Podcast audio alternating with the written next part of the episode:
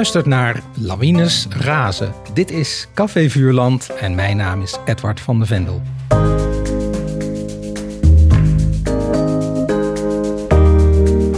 In deze podcast herlees ik klassieke kinderboeken met auteurs van nu. Hoe vers voelen de boeken nog? Wat voor auteur was er aan het werk?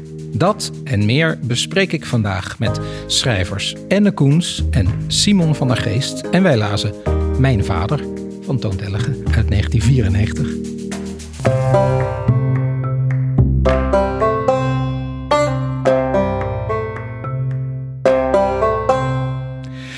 Simon en Enne, welkom.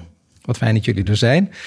We beginnen altijd met een soort eerste, ja, eerste, eerste samenvatting van je leeservaring. Enne, kan je daar iets korts over zeggen? Uh, ik was heel blij verrast. En ik werd elk hoofdstuk blijer eigenlijk. Ja. Ja, Simon? Ja, ik vond het heerlijk om een soort de deur open te doen en een andere werkelijkheid binnen te stappen, waarin veel meer mogelijk is. En dat is gewoon een soort enorm uh, sterk staaltje overdrijven, zeg maar, waardoor je echt helemaal, ja, de, de grenzen van je fantasie worden opgerekt. Oh, heerlijk. Ja. Dit wordt smullen, denk ik dan. Ja, hè? ja lijkt ja. Nou, we gaan zien. Ik wil jullie eerst even uh, introduceren. Enne, Eerst maar eh, dacht ik een paar dingen die veel mensen misschien nog niet over jou weten. Dat je bent opgeleid als acteur. Klopt. En dat je heel veel theater geschreven hebt, eh, ook vaak muziektheater. Voor allerlei gezelschappen. Je kreeg daar bijvoorbeeld de Hollandse Nieuwe Theaterschrijfprijs voor. En dat je een podcast maakt, weet het denk ik ook niet veel mensen, die dit jaar in première ging. Ruimtereizigers. En dat is luistertheater voor het hele gezin. Dat niet iedereen dat weet, komt waarschijnlijk doordat je bekender bent als schrijfster. Je debuteerde in 2007 voor volwassenen en in 2011 voor jongeren met de jeugdroman Vogel. In 2013 kwam daar het eerste kinderboek bij, Sammy en Opa. Uh, dat meteen heel erg opviel. En andere bekende titels zijn uh, Die Zomer met Jente. Of je laatste boek Vanaf hier kun je de hele wereld zien. En vooral Ik ben Vincent en ik ben niet bang. Waarvoor je genomineerd werd voor zowel de grootste Duitse als de grootste Italiaanse kinderboekprijs. Gek genoeg kreeg je er in Nederland niks voor pas heel raar. Maar dat werd weer goed gemaakt. Doordat bijna al je andere kinderboeken zilver, sorry, niet de zilver, maar bronzen griffel en twee keer ook nog een vlag en wimpel ja. kregen. Ja. En je kreeg nog een grote aanmoedigingsprijs, namelijk het Charlotte Keuler Stipendium. Voordat, we, voordat ik Simon ga introduceren, die, ja, die, die opleiding, die acteerliefde of theaterliefde eigenlijk, hoe zien we dat eigenlijk in je boeken nog terug? Ja, acteren is ook verhalen vertellen. En ik vond dat ook het leukste aan acteren. Dat je voor een publiek staat en een verhaal aan het vertellen bent en ze meeneemt. En ik vond het repetitieproces bij het acteren eigenlijk ook als veel leuker dan het toeren langs theaters. Dat je steeds hetzelfde moet gaan spelen. Want dan ben je aan het maken, ben je het verzinnen. En dat is het magischste eigenlijk. Het verzinnen, het laten ontstaan. Dus dat zie je, ja, dat, is, doe je als schrijver ook elke dag. En dat repeteren, dat, dat was dan een minder aspect? Ja, nou vooral het voorstellingen spelen vond ik wel heel leuk. Maar na een aantal keer spelen dacht ik, ja, kunnen we nu weer een nieuw verhaal gaan verzinnen? Want deze, deze hebben we gehad, toch? Ja. En uh, ja, dus. Nee, snap ik. Ja, ik zei, ik repeteer, maar ik bedoel het in de zin van herhalen. Maar ja, precies. Dubbele zin. Ja, ja klopt. ik snap het, ik snap het. En het feit dat je dus, want als acteur ben je ook uh, lichaam en ja. gezicht. En dat ben je als schrijver veel minder. Ja. Uh, mis je dan iets of bevalt je dat juist? Nou, ik denk dat ik stiekem nog heel fysiek schrijf. Want het, wat ik het mooiste vind aan thuis is toch ritme. En de, ergens zit ik me nog steeds in te leven in personages. En ben ik die personages achter mijn bureau. En ik merk, ja, ik merk dat ik gewoon heel ritmisch schrijf. Dat ik meer muziek aan het maken ben dan alleen maar een plot aan het vertellen. Daar ben ik heel blij mee. Want daar, dat vind ik het ook heel, iets om heel erg van te genieten achter mijn bureau. Ook iets wat ik in dit boek herkent trouwens. Ja, nou ik denk, uh, in... daar komen we zo ook op. Ik denk dat er veel connecties tussen, nou sowieso tussen jullie qua theater ja. en, en, literatuur, ja. maar ook wel met specifiek dit boek zijn. Maar daar, daar komen we dan misschien zo op. Uh, Simon, om jou even te introduceren. Jij mm -hmm. deed uh, een opleiding tot theaterdocent in Arnhem. En daarna de theaterschrijfopleiding in Utrecht. Jullie ja. hebben trouwens dezelfde opleiding gedaan, maar de andere gedeelte van de opleiding. Hè? Begrepen, begrepen we net. En de uh, Hogeschool uh, voor de Kunst in Utrecht. Uh, je schreef en schrijft net als Enne ook diverse theatervoorstellingen. In 2023, dit jaar, waren het er zelfs twee volgens mij. Woeste Stilte en Reinhard de Vee. Ja, klopt. klopt ja. maar in 2009 debuteerde je met je eerste kinderboek, Geel Gras. En met je tweede, Disses, een verhaal in gedichten, won je de Gouden Griffel. En dat herhaalde je meteen met je derde boek, Spinder. En in 2015 daarna schreef je het Kinderboekenweekgeschenk. Per ongeluk. Ja. Je kreeg ook nog een vlag en wimpel en de prijs van de Vlaamse kinder- en jeugdjury voor nog weer een ander boek, Spijkerswijgen. En die prijs, die laatste, die Vlaamse prijs, had je ook al voor Spinder gekregen. En er was ook nog een zilveren griffel voor het werkstuk. Nou, je laatste boek, net verschenen boek, is het eerste deel van een, denk een tweeluik. Of Ja, het een, een, ja. een trilogie? Nee, tweeluik, Tweeluik. Hart van staal, een spannend verhaal dat zich in de nabije toekomst afspeelt als sommige ouders vervangen worden door een robotversie. Ja. Ja. Ehm, jouw boeken vallen eigenlijk, eh, zijn vanaf het begin opgevallen door taalgebruik, door, door literair helder, heel veel zorgtaalgebruik. Ik denk dat dat altijd zal blijven. Maar heb ik gelijk als, het, als ik het idee heb dat je focus een beetje ook verschoven is naar spanning en naar actie? Ehm, nee, hoeft niet per se. Maar het is meer dat ik iedere keer iets nieuws wil uitproberen. En bij die laatste boeken is dat inderdaad weer, weer meer de spanning in het science fiction-achtige, wat me leuk lijkt om, om verder te ontdekken. Maar het heeft ook met de vorm te maken, denk ik. Bij eh dat laatste boek Hart van Staal was het ook dat ik heel graag een keer weer wilde onderzoeken hoe je muziek en een spannend verhaal kon combineren. Want het leek me heel leuk om, om liedteksten te schrijven. Zo kon ik ook weer zeg maar dat combineren. Omdat ik nu natuurlijk altijd en poëzie en theater en proza blijf schrijven. En ik vind juist die kruisbestuiving zo interessant om te onderzoeken. Ja. Ja. Ja, eigenlijk heb je dat, eh, de, dus verschillende vormen door elkaar altijd wel gedaan. Hè? Met Disses was dat natuurlijk ook zo. Ja, ja. Maar wat ik echt heel tof vond aan Hart van Staal... was die, dat enorme eh, slimme gebruik van cliffhangers de hele tijd. Ja, Ja. ja. Waarvoor waardoor ik echt, eh, ja, net, als een lezend kind, de hele tijd dacht... ja, ik moet eigenlijk stoppen, ik heb geen tijd meer. Maar ja, nu heeft hij net een cliffhanger Ja, ja. opgehangen. Dan moet je even weten hoe het verder gaat. ja, ja. Ik, ik had het idee dat, dat, dat je dat de laatste tijd... in het werkstuk zat het ook, dat Oh, je dat ja, doet. Ja, ik weet niet. Het, dat is misschien ook gewoon meer eh, oefenen, oefenen. En dat dat steeds, steeds meer vanzelf gaat of zo. Dat je daar meer gevoel voor krijgt. Ik, ik weet niet precies. Nee, nee het zou kunnen. Ehm, we zijn hier om, eh, om een boek van de grote Toon, Toon Tellige, te bespreken. Dit is trouwens niet iets wat Toon zelf ooit over zichzelf zou zeggen, want die is eh, de bescheidenheid zelf. Ja. Maar ik denk wel dat wij dat wel vinden. Hij werd in 1941 geboren in Den Briel als derde van vier kinderen. Daar woonde hij tot aan het begin van zijn middelbare schooltijd. Daarna verhuisde het gezin naar Voorburg. En daar kwam op de middelbare school Tellige in aanraking met literatuur en poëzie. Ook weer op een hele grappige manier. Hij besloot gewoon van nu ben ik 14. Ik ben oud genoeg voor een roman. en heeft toen karakter van Bordewijk gelezen. En toen een week later dacht hij, nu ben ik ge- volgens mij oud genoeg voor poëzie. En toen is hij Gerrit Achterberg gaan lezen. Ja. Eh, hij ging in Utrecht geneeskunde studeren. En na een verblijf van drie jaar in Kenia werd hij huisarts in Amsterdam. Maar daarnaast schreef hij gedichten voor volwassenen. Wat resulteerde in zijn debuutbundel uit 1980. De zin van een liguster. Prachtig titel. En in 1984 verscheen zijn eerste kinderboek. Alles overigens bij uitgeverij Querido. Dat boek heette Er ging geen dag voorbij. 49 verhalen over de eekhoorn en andere dieren. En dat was het begin van een universum waar Tellige tot op de dag van vandaag in verblijft en ook bekend om is. Een dierenuniversum waarin alle dieren even groot zijn. Waar de eekhoorn en de mier zo min of meer de meest voorkomende dragers van die verhalen zijn. Ja. Korte verhalen, meestal één of anderhalve bladzijde. Die vaak een soort vonk hebben in een taalvraag of een bepaalde formulering of een talige gedachte of een filosofische gedachte. In elk geval, die verhalen zijn niet specifiek gedreven door plot. Er is een grote, grote liefde bij Lezend Nederland voor, voor Toon, voor Toons universum. Ook al omdat zijn verhalen niet specifiek voor kinderen of volwassenen zijn, maar een beetje voor iedereen.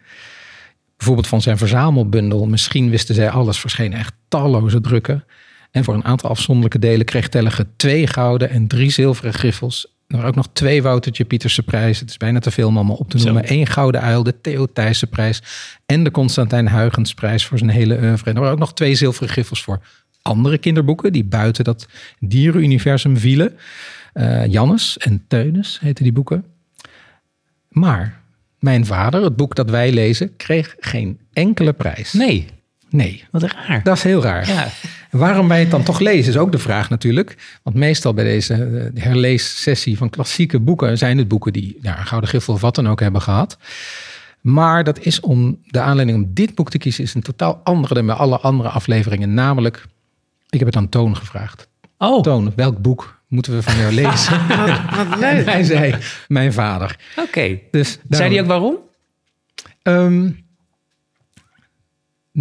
nee, niet specifiek. Nou, ik denk dat hij, eh, dat hij met warmte terugdenkt aan dit boek. En dat komt misschien, daar komen we straks op, doordat er misschien een paar dingetjes in zitten, zitten die ongewild soort van autobiografisch zijn. Ja, ja. Ja. ja. Maar ik weet niet of dat de reden is dat hij dit boek noemde hoor. Ik denk dat hij Ja. ook, ook bijvoorbeeld de uitgave met de tekeningen van Roodgoud Suzanne Berner, de Duitse illustratrice, heel mooi vindt. ja.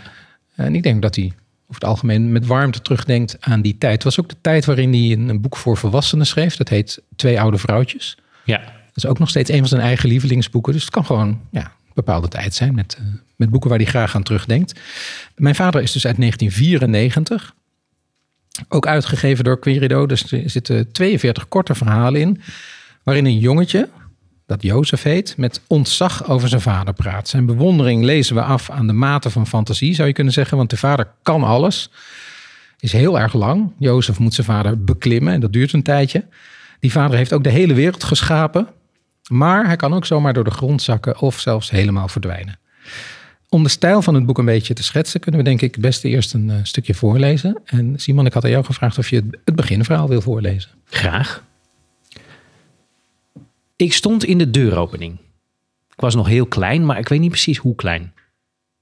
Ik zag torenspitsen en een korenveld en ik geloof dat mijn moeder pannenkoeken bakte. Ik hoorde het geluid van een trein. De zon scheen. Heel in de verte zag ik een stipje dat naar me toe kwam. Wat is dat? dacht ik. Het stipje werd groter. Het werd een zwart ding met uitstulpsels. Het sprong op en neer als een bal, dansend, stuiterend. Het kreeg armen, benen en een hoofd. Wie ben jij? riep ik. Je vader, riep het ding en opende een hek. Mijn vader, dacht ik. Daar had ik nog nooit van gehoord. Wat is dat? riep ik. Tja. Waar kom je vandaan? vroeg ik. Uit het niets. Toen rolde dat ding zich op en stuiterde tot vlak voor mijn voeten. Het stond op en was meteen veel groter dan ik. Maar ik, ik was toen ook nog wel heel klein. Zo, zo, zei ik. Jij bent dus mijn vader. Mijn vader knikte en tilde me op en duwde met zijn wijsvinger tegen mijn neus. Hallo Jozef, zei hij. Ik herinner me het nog precies. Het was in de zomer. Mooi. Nu, even los van toon, merken we ook weer hoe fijn het is om voorgelezen te worden. Maar zijn, de, zijn deze verhalen specifiek voorleesbaar? Ik denk juist. Ja, hè? Toch? Ja, Ja. heel erg. Maar ook door het formaat, denk ik. Zo een lekker, lekker kort, compact.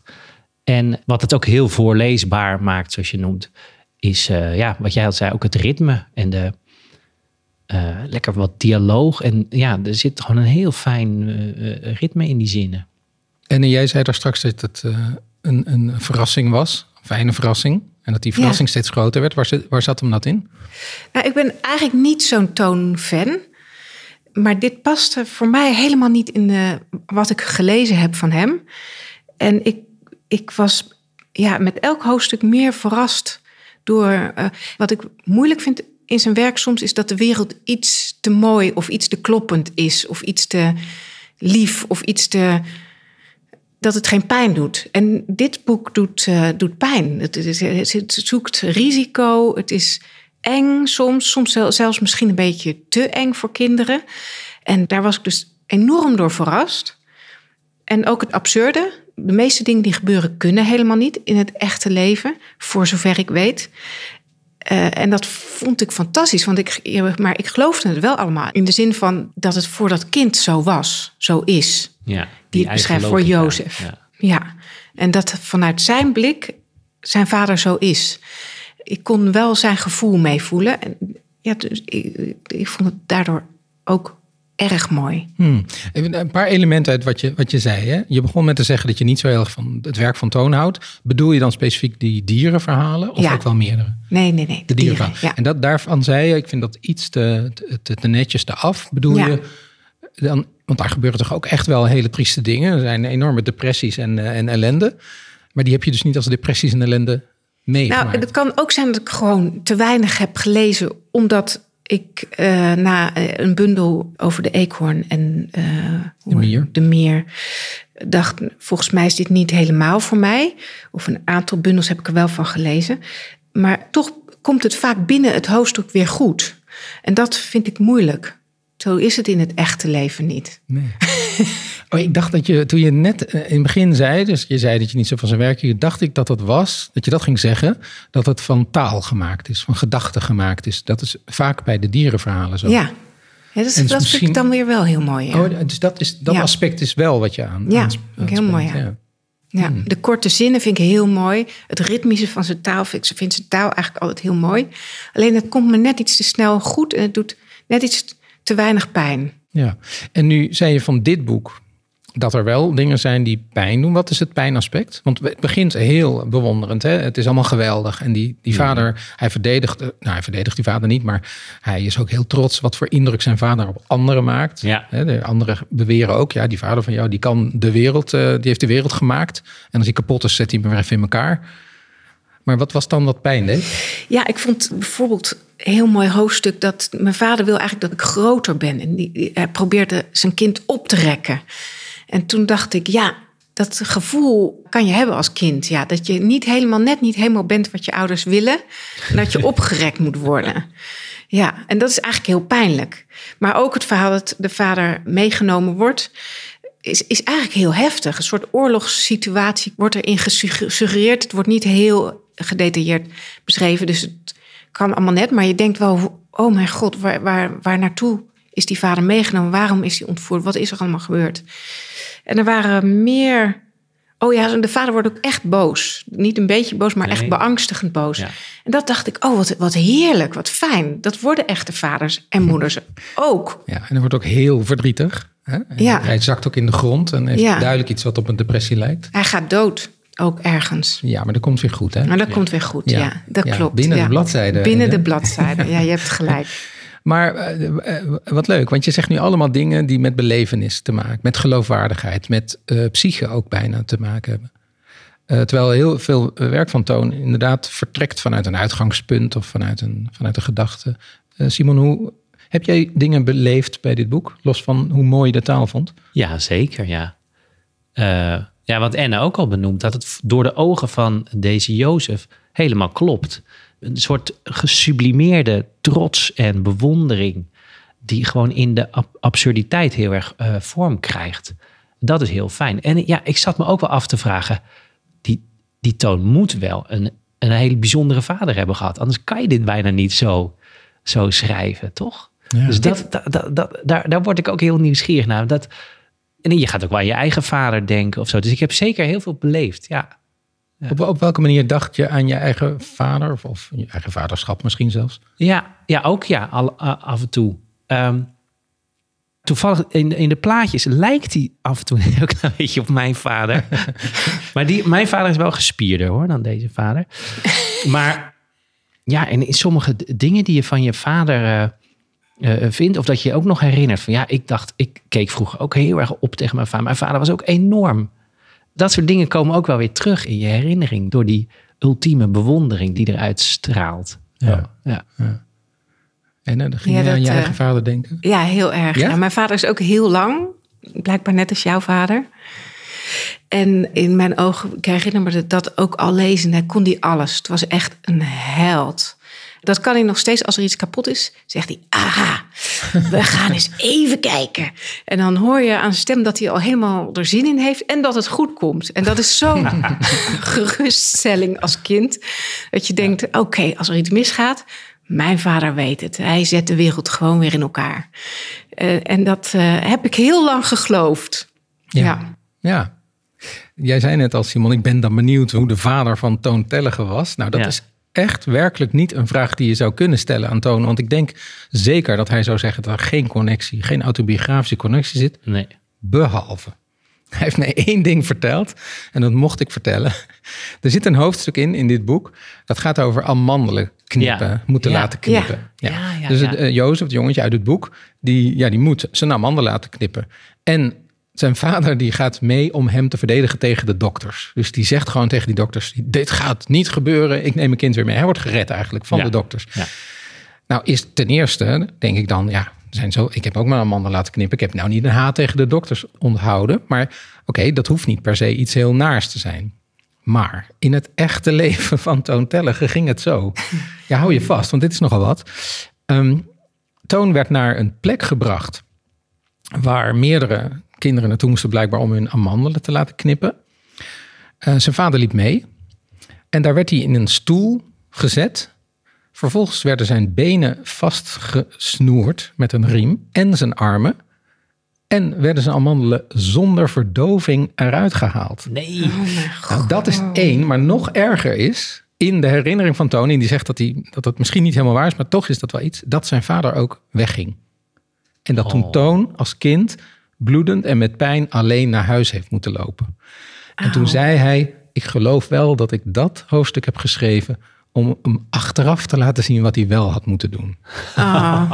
Dus misschien, ik wil dit ook graag geloven hoor, maar dit... dit eh, ja, Ja, maar ik vind het wel grappig dat het hierover gaat. Want het is in de verleden tijd eh, geschreven. En je, je krijgt dus ook het gevoel dat de schrijver een soort van terugkijkt naar zijn beleving. Het is misschien niet, ja, niet letterlijk zo, of, maar gedeeltelijk zo. Maar dat gevoel krijg je heel sterk, hè?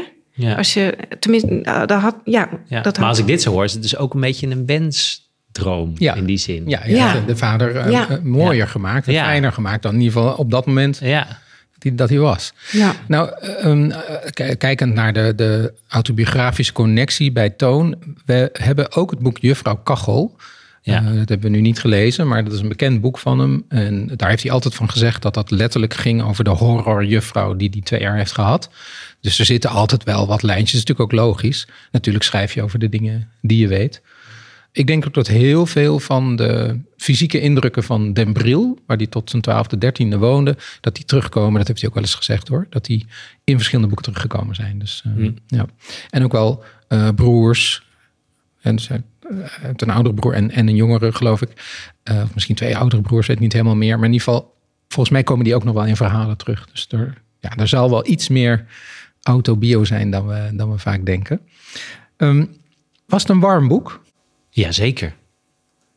Ik vond het heel warm. Ik eh, moest er vaak om glimlachen. Terwijl het natuurlijk ook, maar dat is misschien juist zo mooi, dat het zo'n compleet beeld is. Omdat die vader af en toe ook heel eh, eng kan zijn. Of verontrustend. Of ehm, ja, dat hij ineens heel boos of, of zo verdrietig kan zijn. Of ineens wegloopt. Of er is ook een hele enge dat hij hem niet meer herkent. Hè? ja. Dat, dat, dat Ja. hij zit in een soort wolk en dan probeert Jozef, papa, papa eh, of nee, dat zegt hij nooit, maar eh, en dan herkent hij hem niet meer. Ja, dat zijn natuurlijk ook hele, hele eh, enge dingen, maar ik vind het in zijn geheel, juist ook omdat vooral die bewondering de boventoon voert, vind ik het wel heel warm, ja. Ja ik, vond het, eh, ik vond het helemaal niet warm. Oh, grappig.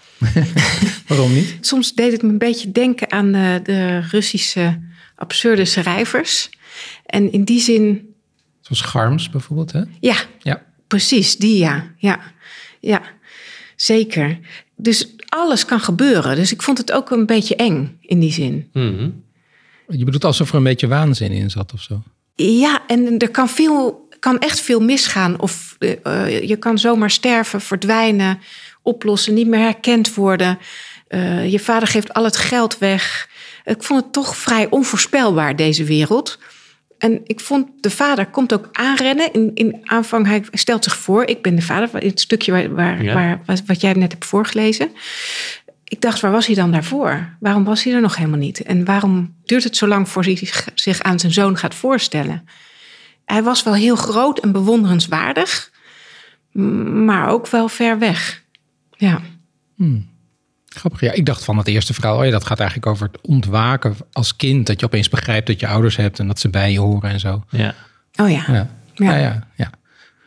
Ehm, ik heb ook aan jullie gevraagd om een favoriet verhaal te kiezen. En dan zullen we misschien jouw favoriete verhaal een stukje lezen. Ja.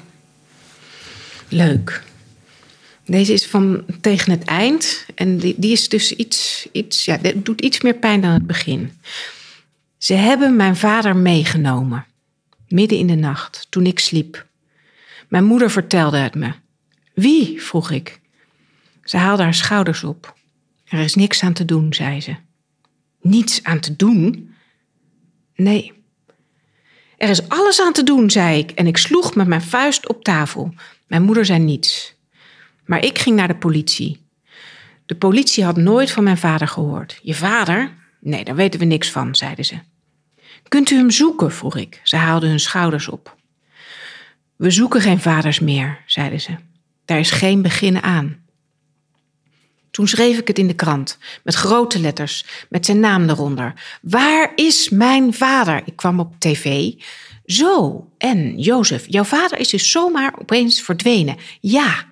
Hoe ziet hij eruit? Heel lang. Hoe lang?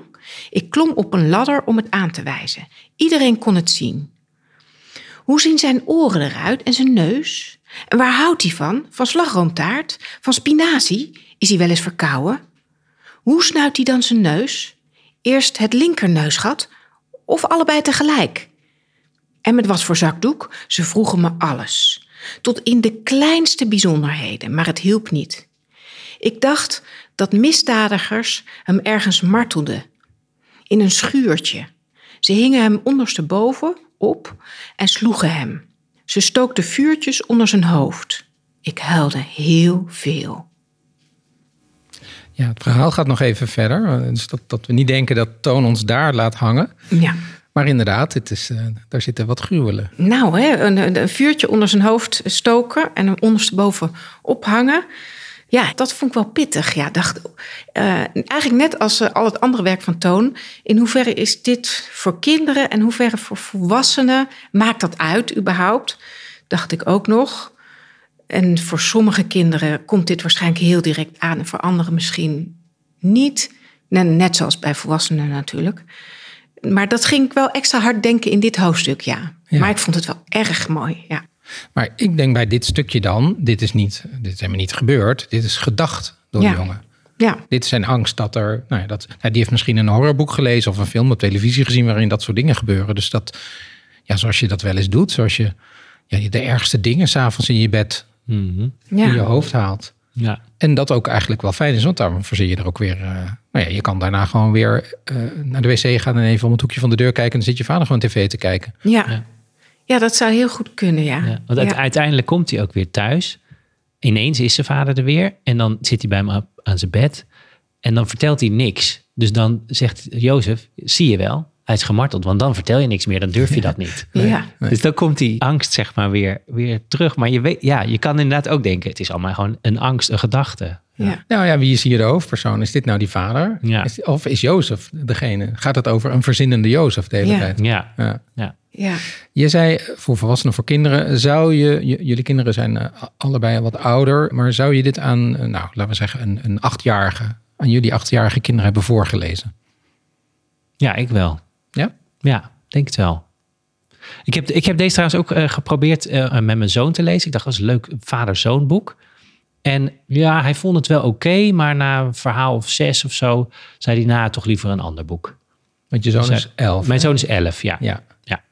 Is dat dan dat het misschien net te oud voor hem is, dit boek? Of omdat er geen Ja, zit? misschien. Maar hij is ook vrij gevoelig voor dit soort verhalen en gruweldingen. Dus misschien dat hij toch ook dacht van, nou, laat maar. En het was meer gewoon dat hij liever een boek heeft met echt spanning, zeg maar. En dat is dit natuurlijk niet. Er zit eigenlijk geen ontwikkeling in. Dat is het maffe van dit verhaal. Ja.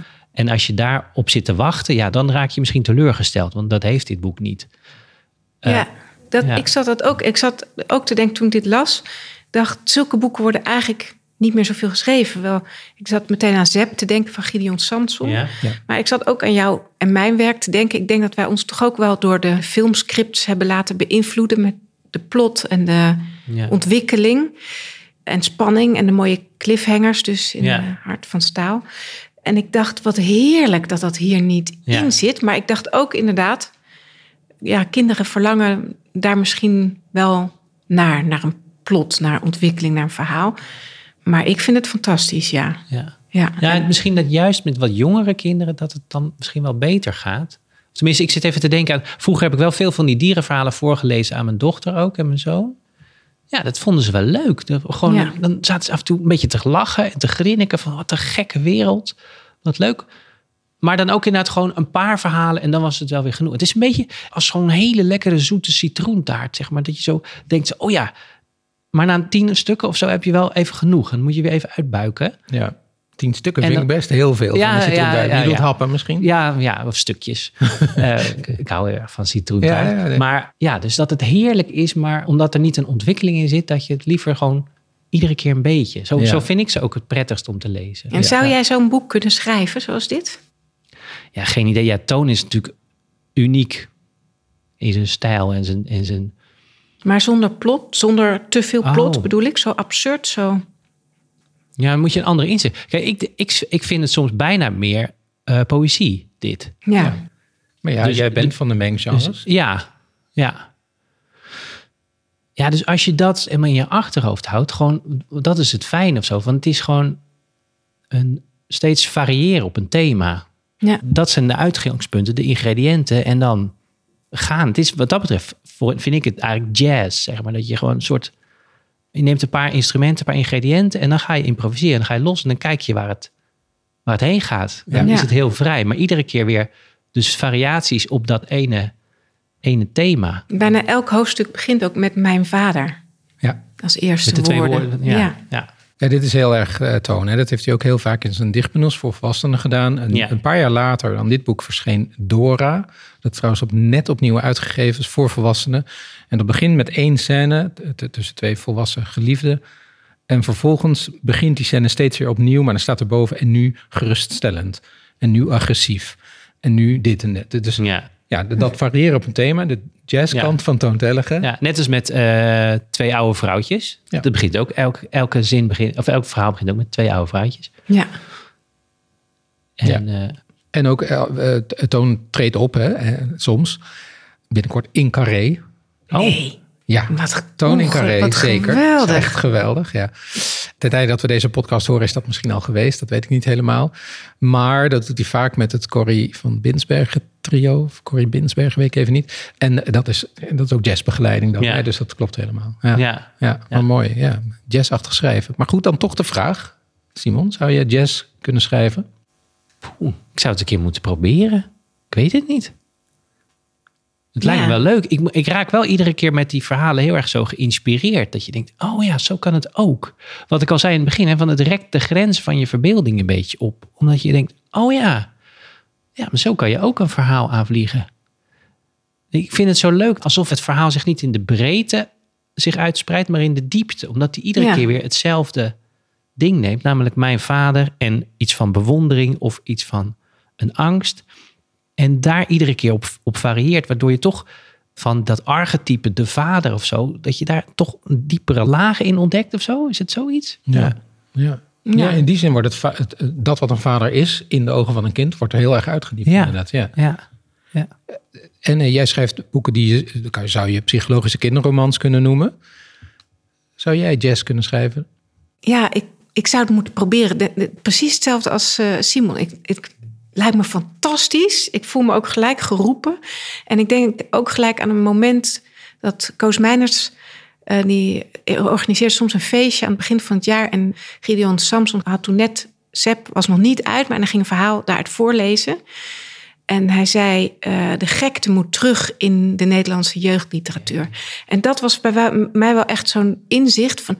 als we dat maar niet verliezen door dat psychologische plot... Ja. Ja. waar we nu allemaal zo van doordrenkt zijn... door alle films die we denk ik ook kijken. En gewoon de tijd waar we in zitten blijkbaar. Maar, maar de gekte, Ja, ja. ja, laat die alsjeblieft niet verdwijnen. Ja. Ja, en dat, Ja, Zep is, is het boek waarmee Gideon Samson een paar jaar geleden de Gouden Griffel won. En dat zijn Ja. inderdaad verhalen, vaak in, in een schoolsetting geloof ik. Waarbij nou, Zep een van de absurde personages is. En de Ja. uitgangspunten hebben de dag dat het lachen niet, niet meer, wat was dat ook weer, niet meer mag of zo. ja. Ja, Of afgeschaft werd, zoiets. ja, Ja, ik zou het graag schrijven. Ik zou het heel erg leuk vinden. ja. Zou het nog, zou het nog geaccepteerd worden bij mijn uitgever? Die gekte. Ja, Ja. ja het gebeurt inderdaad niet meer zoveel. het gebeurt niet meer zoveel. Maar zijn wij in Hollanders misschien een beetje te nuchter daarvoor of zo? Nee, maar, nee, maar wij waren toch juist de master in gekte. Guus Kuijer heeft eh, grote mensen. Daar kan je beter soep van koken. Ja, Maar nee, maar dat is niet absurd. Dat Nee, is echt, niet. echt, Ik zit erg aan de, aan, de, aan de Russen te denken, waar we het net over Ja, hadden. ja. En de Belgen vind ik ook al vaak Ja, beet- veel beter in, eh, in, Ja. het, in het absurdisme. Ja. Ja, dat is waar. Die- Maar ik vind net, de- dit kun je nog net ook niet puur absurdisme noemen. Omdat er Nee. zit een psychologische component Ja. aan. Ja, ja. Maar inderdaad, ik vond interessant wat jij net zei. En dat het misschien wel is door onze, ja, door onze Amerikaanse opvoeding. Dat we allemaal series en films en binge-watchen, dat dat een begrip is geworden. Dus dat we eh, verslaafd zijn geraakt aan dat wat doorgaat. aan de plot. Aan, ja, aan, Ja. aan voortgetrokken worden. Daarin een beetje luie lezers zijn geworden misschien. Dat zou kunnen. Zou het ook niet kunnen. Ik weet niet of dit waar is hoor. Maar nou, het boek staat natuurlijk al tijden wat onder druk Ja, op de verkoop. Eh, dat we dan toch al snel denken aan boeken waar meerdere kinderen naar zullen grijpen. En dat zijn toch ook verhalen waarin je meegesleept wordt. ja. ja, misschien wel. Ik, dit dit is een groter risico. Ja. Ja, Terwijl zo'n boek als Sepp, dat deed het wel goed, toch? ja. Niet, maar dat was Volgens mij wel. de prijs. Ja. Ja, nou ja, dat was natuurlijk Maar- ook gewoon heel erg goed gedaan. Dus Ja. eh, ik denk als het dan weer supergoed gedaan wordt, en dat is dit natuurlijk ook, Ja. Ja. mijn vader, dan, ja, dan on- ontstijgt het weer een beetje, toch? Ja. En z- zou jij het kunnen schrijven?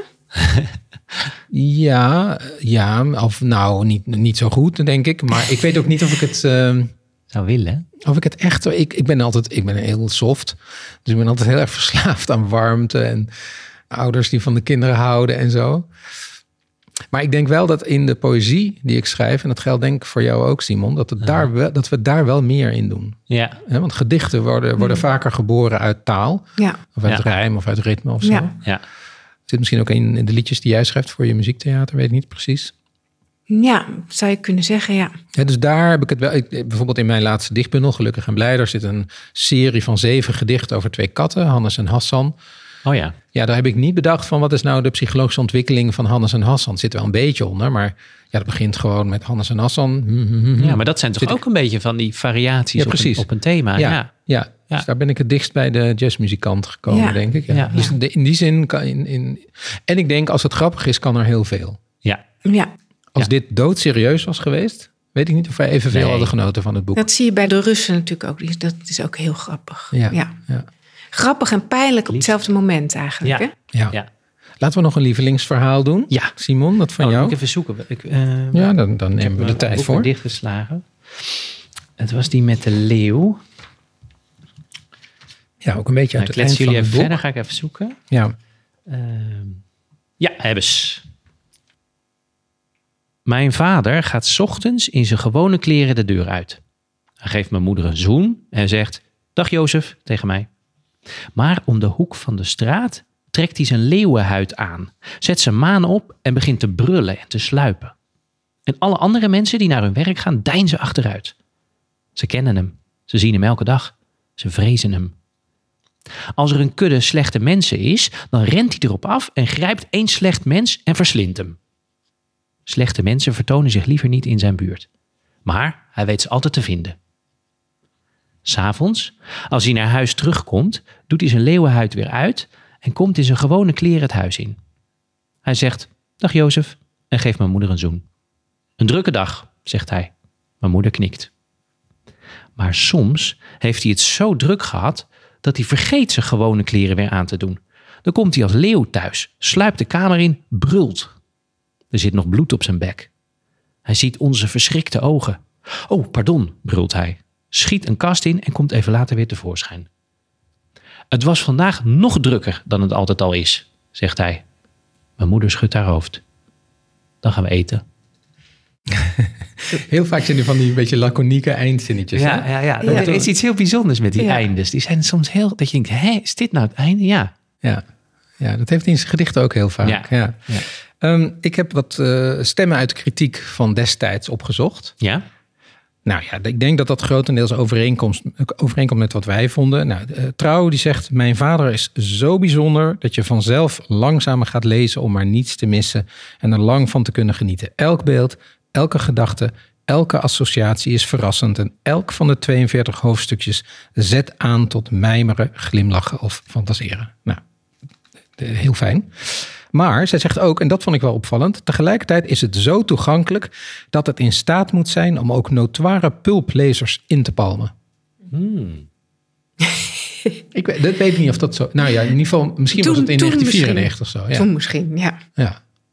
Ik denk ook niet... Dit is wel, denk ik, eh, een opvallend boek binnen het oeuvre van Toon. Maar het is niet zo'n bestseller geworden als de dierenverhalen, Nee. volgens mij. Nee. Nee.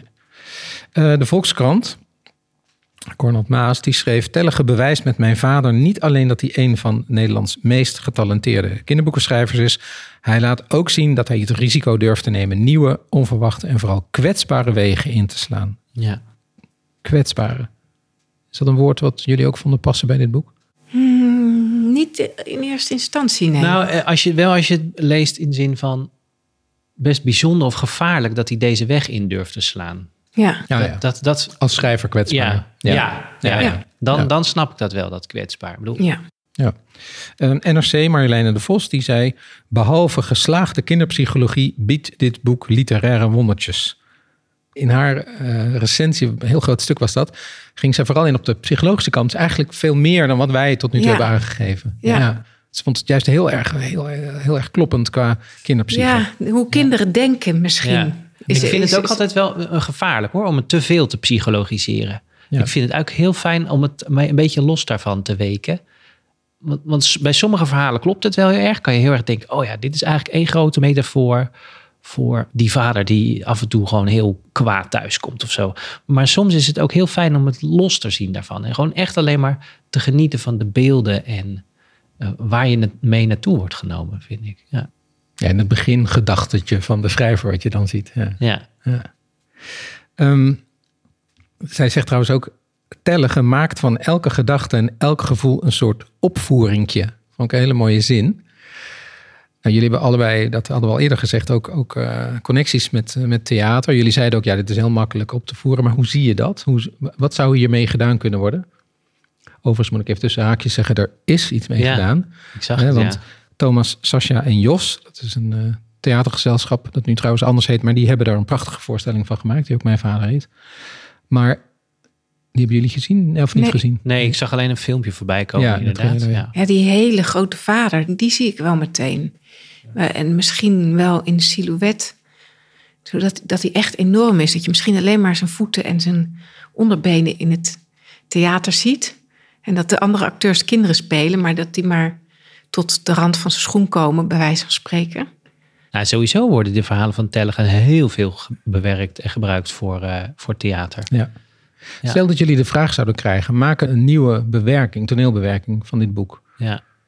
Zou je dat moeilijk vinden? Of Ik denk dat je het nauwelijks moet bewerken. Ik Nee? denk dat je het gewoon zo moet houden. Ik denk dat je het moet blijven vertellen. En ja, de dialoog kan je uitspelen. Maar ik denk dat je, Ja. dat je er niet zoveel mee hoeft te doen. Ik, denk, denk dat wel- dat zo fijn is juist. Dat het dan echt voor jonge kinderen zou zijn, voor vijf plus, denk ik. Ja, misschien iets ouder, maar, maar wel ja. waarom Ja. wordt het op toneel dan opeens voor jonger? Dat is heel vaak zo, hè? Ja, Ja. Ja, oh, ik zie er veel beeld bij en weinig tekst eigenlijk. Dus die, inderdaad die dialogen, maar weinig, ja, korte, korte dialogen. En het absurde en de humor, die past denk ik ook een beetje boempats humor. Ja. Eh, dingen die misgaan. Vader gaat dood, maar zijn arm steekt de hele tijd nog uit zijn graf. Ja. Ja, dat vinden vijfjarigen heel grappig. ja, dat kan inderdaad. Ja. Dus doordat het visueler wordt, Ja, kan je eigenlijk voor veel jonger iets doen. ja dan Ja. blijft het ook absurder. Want En- hoe ouder, hoe sneller je die psychologie erin... eh, En de handeling van het lezen is natuurlijk niet nodig. nee.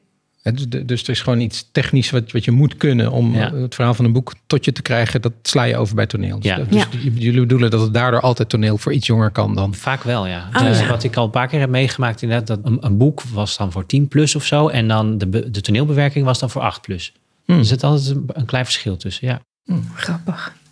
Eh, ik wil even mijn lievelingsverhaal Ja, eh, voorlezen. graag. Dat is ook een kort verhaaltje hoor. Het nadeel van mijn vader is dat hij elke dag ouder wordt. Dat zegt hij zelf. Dat is een groot nadeel, Jozef. Hij zegt dat hij binnenkort gaat krimpen. Let maar op. Hoe ver ga je krimpen? vroeg ik hem. Zo ver, zei hij. Hij wees iets aan tussen zijn duim en zijn wijsvinger. Zo ver? vroeg ik. Dat is niet erg, zei hij. Dat is normaal. Normaal? vroeg ik. Als hij zo klein werd, zou hij in een lucifersdoosje passen. Dan was hij mijn vadertje. Mijn oude vadertje. Dan deed ik dat lucifers doosje open en dan zat hij daar, gebogen op een krukje met spierwit haar. En dan zei hij met bevende stem, dag Jozef. Ja, normaal, zei hij. Hij vindt het dus normaal, niet erg en een groot nadeel. Op een keer zei hij zelfs dat krimpen heerlijk is. Zo helemaal krom en klein en verkreukt worden en niets meer kunnen, dat moet heerlijk zijn. Hij is dan zeker blij dat ik niet meer op hem kan klimmen, op zijn schouders kan stappen en in zijn oor kan roepen: hé, hé, ik ben er. Niet zo schreeuwen hoeft hij dan niet meer te zeggen. Maar als je zo klein bent dat je in een lucifersdoosje past, dan word je op een dag gewoon vergeten. Of kunnen ze je niet meer vinden. Hé, waar heb ik dat lucifersdoosje ook maar weer gelaten? Hier? Nee, niet hier. Hier ook niet. Nou ja, laat ook maar. En dan sta je ergens achter een vaas op een kast of ben je op de grond gevallen. En in dat doosje kan je piepen wat je wil, maar ze horen je niet meer. Normaal noemt mijn vader dat. Niet erg en een groot nadeel. Nou, dat is het zeker een heel groot nadeel. Het beste zou zijn als je steeds groter werd. Hoe ouder, hoe groter. Krimpen is verschrikkelijk. Dat zal ik hem eens vertellen.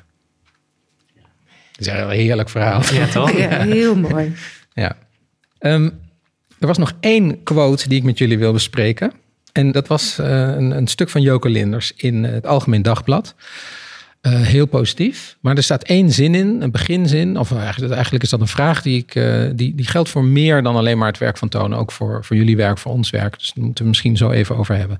De vraag is, en dat is haar eerste zin. Wordt een kinderboek beter als er meer lagen in zitten? Is, zegt ze dan, mijn vader van Toontellige beter geslaagd omdat de vaderfiguur herinneringen oproept aan Gulliver, aan de baron van Münchhausen of Dick Trom. En de zoon aan de Bijbel Jozef, die bang is voor wat hem te wachten staat. Zeker niet, zegt zij dan. Dergelijke verwijzingen onthullen hooguit iets van de geestelijke bagage van de auteur. Het bijzondere van mijn vader zit vooral in de superieure wijze waarop taal en verbeelding, vorm en inhoud elkaar ontmoeten. Nou ja, eerst hadden jullie Gulliver, de baron van Münchhausen, Dick Trom die associaties? Nee, Uh, allemaal niet. Gulliver heb ik wel heel even aan gedacht. Die Munchausen ook wel misschien. Ja, maar het doet er niet zo toe. Wat, Nee. ze, wat ze ook zegt, toch? Nee, Dat ben ik wel ermee eens. Ja. En maar nee, ik heb er ook niet aan gedacht. Nee, nee. Nee. En Jozef was de, de Jozef, de jongste Ook niet. broer uit Egypte? Ja, nee. Nee. nee Ik dacht niet. wel, waarom heeft hij zo'n ouderwetse naam? Maar verder kwam ik niet. Dat kan natuurlijk iets over mijn bagage zeggen. Nee, maar nee, dat was een grapje. Maar nee. Maar die vraag, hè, wordt een kinderboek beter als er meer lagen in zitten? Ja, dat is een beetje een, een dubbele vraag, denk ik. Want voor volwassenen wordt het misschien wel beter. Misschien dat je als volwassene wel nog meer ervan kan genieten. Als je denkt, oh, wat heeft die Toon dat toch heerlijk gedaan... dat hij een stukje Munchausen en een stukje Gulliver... en, en een stukje Bijbel erin heeft verwerkt. Dan kan ik me wel voorstellen dat, dat je beleving verrijkt. Maar het is een kinderboek ook.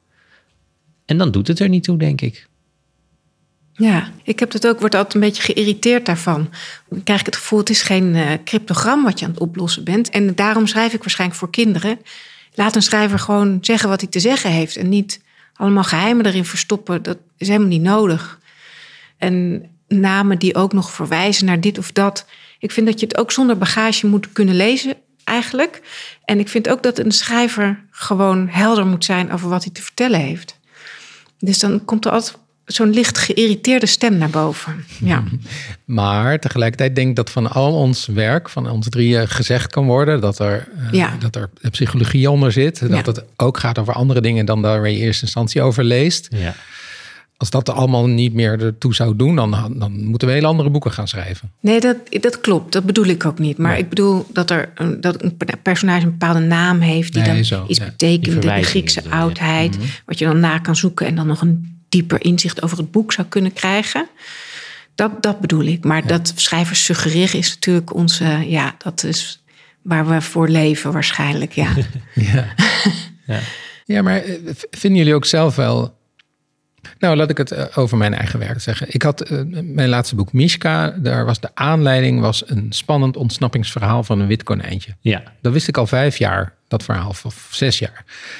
Maar steeds dacht ik, ja, dat is niet genoeg. Ik wist ook niet precies wat er dan bij moest. Maar ik voelde dat dat als verhaal een beetje te simpel was of zo. En toen op een bepaald moment kwam er een bedding bij. Dus hoorde ik van degene, Anoush Elman, met wie ik het boek geschreven heb. Op basis van wiens verhaal ik het boek geschreven heb, was er nog een heel ander verhaal over. ging over, over hun vluchtverleden. En toen kon ik dat verhaal van het konijntje eigenlijk gebruiken in een diepere zin. Dus uh, nu denk ik, hoop ik, dat kinderen dat gewoon kunnen lezen omdat het spannend is. Mhm. Maar dat je ook wel voelt van ja, dat konijntje is de drager meer, van, ja. iets, van iets wat veel dieper ingegrepen heeft in die levens. Daardoor ben ik gelukkig met het boek eigenlijk. Dus eh, dat zou je toch meerdere Ja. lagen kunnen noemen. Ja, Ja. absoluut. Ja. Ja. Nou, en de- Ja. dus de vraag is eigenlijk, nou, bijvoorbeeld Simon, bij jou, bij jou, jouw grote boeken, zeg maar, daar is dat denk ik ook altijd. Mhm. Maar je hebt ook boeken geschreven, zoals misschien het kinderboekenweekstreng, maar zoals zeker ook de voetbalzombies. Dat zijn twee delen in de serie Tijger lezen, waar die eh, specifieke dubbele laag, psychologische laag, niet per se aanwezig is. Mhm. Heb je daar een, een verschillende tevredenheid in dan bijvoorbeeld over die boeken? Nou, nee, want het is waar, het doel waar- waarmee je in het boek schrijft, ook even wat je in je achterhoofd hebt. Bij de voetbalzombies ging het er echt om om gewoon een lekker spannend en een leuk verhaal te maken, wat kinderen verleidt om nog meer te gaan lezen. Dat had ik heel erg in mijn achterhoofd daarbij. En dan is die psychologie, ja, die is ietsje minder belangrijk in, inderdaad. Maar juist bij die jeugdromans die voor wat ouder zijn, dan hoop je toch ook echt om, om kinderen te kunnen raken op een bijzondere manier. Of om iets bij jezelf ook te ontdekken wat je nog niet wist, eh, wat je kan delen met je lezer. Dus dat heeft, heeft dan een ander doel, denk ik. Ja. Ja. En hoe zie jij de ontwikkeling in jouw werk? Want je hebt in het begin heb je ook nog, als het gaat over je werk voor jongeren en kinderen, ben je met een jeugdroman begonnen. Maar je hebt tussendoor ook nog, ik weet nooit hoe ik het moet uitspreken, Hotel Bonbien of Bonbien. helemaal goed. Bonbien, hè? Ja, Ja. dat is een Frans hotel. Ja. Dat is wat, wat grappiger en Ja. wat luchtiger misschien. Eh, en je hebt her en der ook nog, geloof ik, wel eens voor beginnende lezers geschreven. Hoe, hoe ziet die ontwikkeling in? Waar, waar ben je het meest tevreden over? Ja, toch ook als die dubbele laag erin zit. Zoals bij Vincent is dat heel goed gelukt. Dat hij dat die ontzettend goed kan overleven in de natuur. Maar in zijn eigen klas ja, het moeilijk vindt om eh, per dag om te overleven. En dat hij zich veilig voelt in de wildernis en niet in, in zijn eigen habitat eigenlijk. Dat valt dan ook samen in eh, citaten die ik heb verzonnen, alsof ze uit het eh overleefhandboek komen. Pas op voor grote zoogdieren. Maar dat zijn natuurlijk eigenlijk de kinderen uit zijn klas. Dan valt het daar heel mooi in samen. Ja, en dan ben ik wel het gelukkigst als taal en betekenis en de diepere laag allemaal samenvallen. Ja, Ja. ja. Ja, dat snap ik. Ehm, nou, mijn bijna laatste vraag is hoe, wel een moeilijke vraag, hoe zijn wij met z'n drieën schatplichtig aan toon? Oh. Mm, leuk. Ja, ik denk vooral in mijn theaterwerk en in mijn poëzie. Wat ik zeg, dat je door zijn werk te lezen, train je zeg maar die spier die verbeelding heet. Hij laat je nieuwe wegen inslaan. Dat vind ik heel leuk. Daardoor voel ik me misschien nog vrijer of eh, nog meer uitgedaagd om nieuwe wegen in te slaan. En dat absurdisme ook te, te omhelzen of zo. Ja. Ik heb ooit één toneelstuk geschreven, heel lang geleden in het begin. Maar, eh, mijn vriend wordt ooit een neushoorn. En dat ging ook letterlijk over twee jongens en die hebben een vriend en die wordt af en toe verandert hij in de neushoorn als hij kwaad is. En dan, dan sloopt hij de hele boel. En die heeft ook een moeder die gigantisch groot is. Ze hebben een ladder nodig om haar te beklimmen. En ze hebben een boomhut gebouwd in de, op haar schouder. En nou, dus ook dat je daar zeg maar even het realisme kan verlaten. En ze- een soort van zijn eigen logica, die ook niet per se helemaal consequent hoeft te zijn. Ja, dan denk ik dat ik daar in ieder geval schatplichtig ben aan, aan Tellegen. Ja. Ja, Ja. ja, de humor van de onlogica eigenlijk. Ja. Hè? ja. Zoals ook Madelief zegt, eh, ik wil een ander hoofd. En dan een ander hoofd krijgt. Oh ja. En ik denk dat dat toch ook wel een lijntje is in de Nederlandse jeugdliteratuur. En wat ik zelf wel herken is zijn eenvoud. Zeg maar de korte zinnetjes, veel dialoog, levendigheid. Er gebeurt veel. Daar hou ik ook wel erg van, ja. ja. En dat het voorleesbaar is. Heel, dat het lekker klinkt. Ja. Dat het eigenlijk ja, dat het gewoon ontzettend fijn is om dit te zeggen hardop. ja, Ja, ja. Ja, ik herken dat wel. Voor mij is het ook nog iets anders, eh, wat minder zo echt direct met zijn teksten te maken heeft, maar gewoon de aanwezigheid van iemand als toontellige in de kinderliteratuur. Dus iemand die volwassen literatuur en kinderliteratuur verbindt met het grootste gemak, die een constante is, die in, en ook doordat hij zo populair is bij heel veel mensen, die in ons literatuurleven van sinds 1980, want toen debuteerde die, er altijd is en altijd geweest is. En dat universum gewoon maar steeds weer aanbrengt. En daar weer nieuwe afleveringetjes van geeft. Uh, Ja. Ik vind dat heel mooi en heel troostrijk en heel eh, belangrijk ook inderdaad.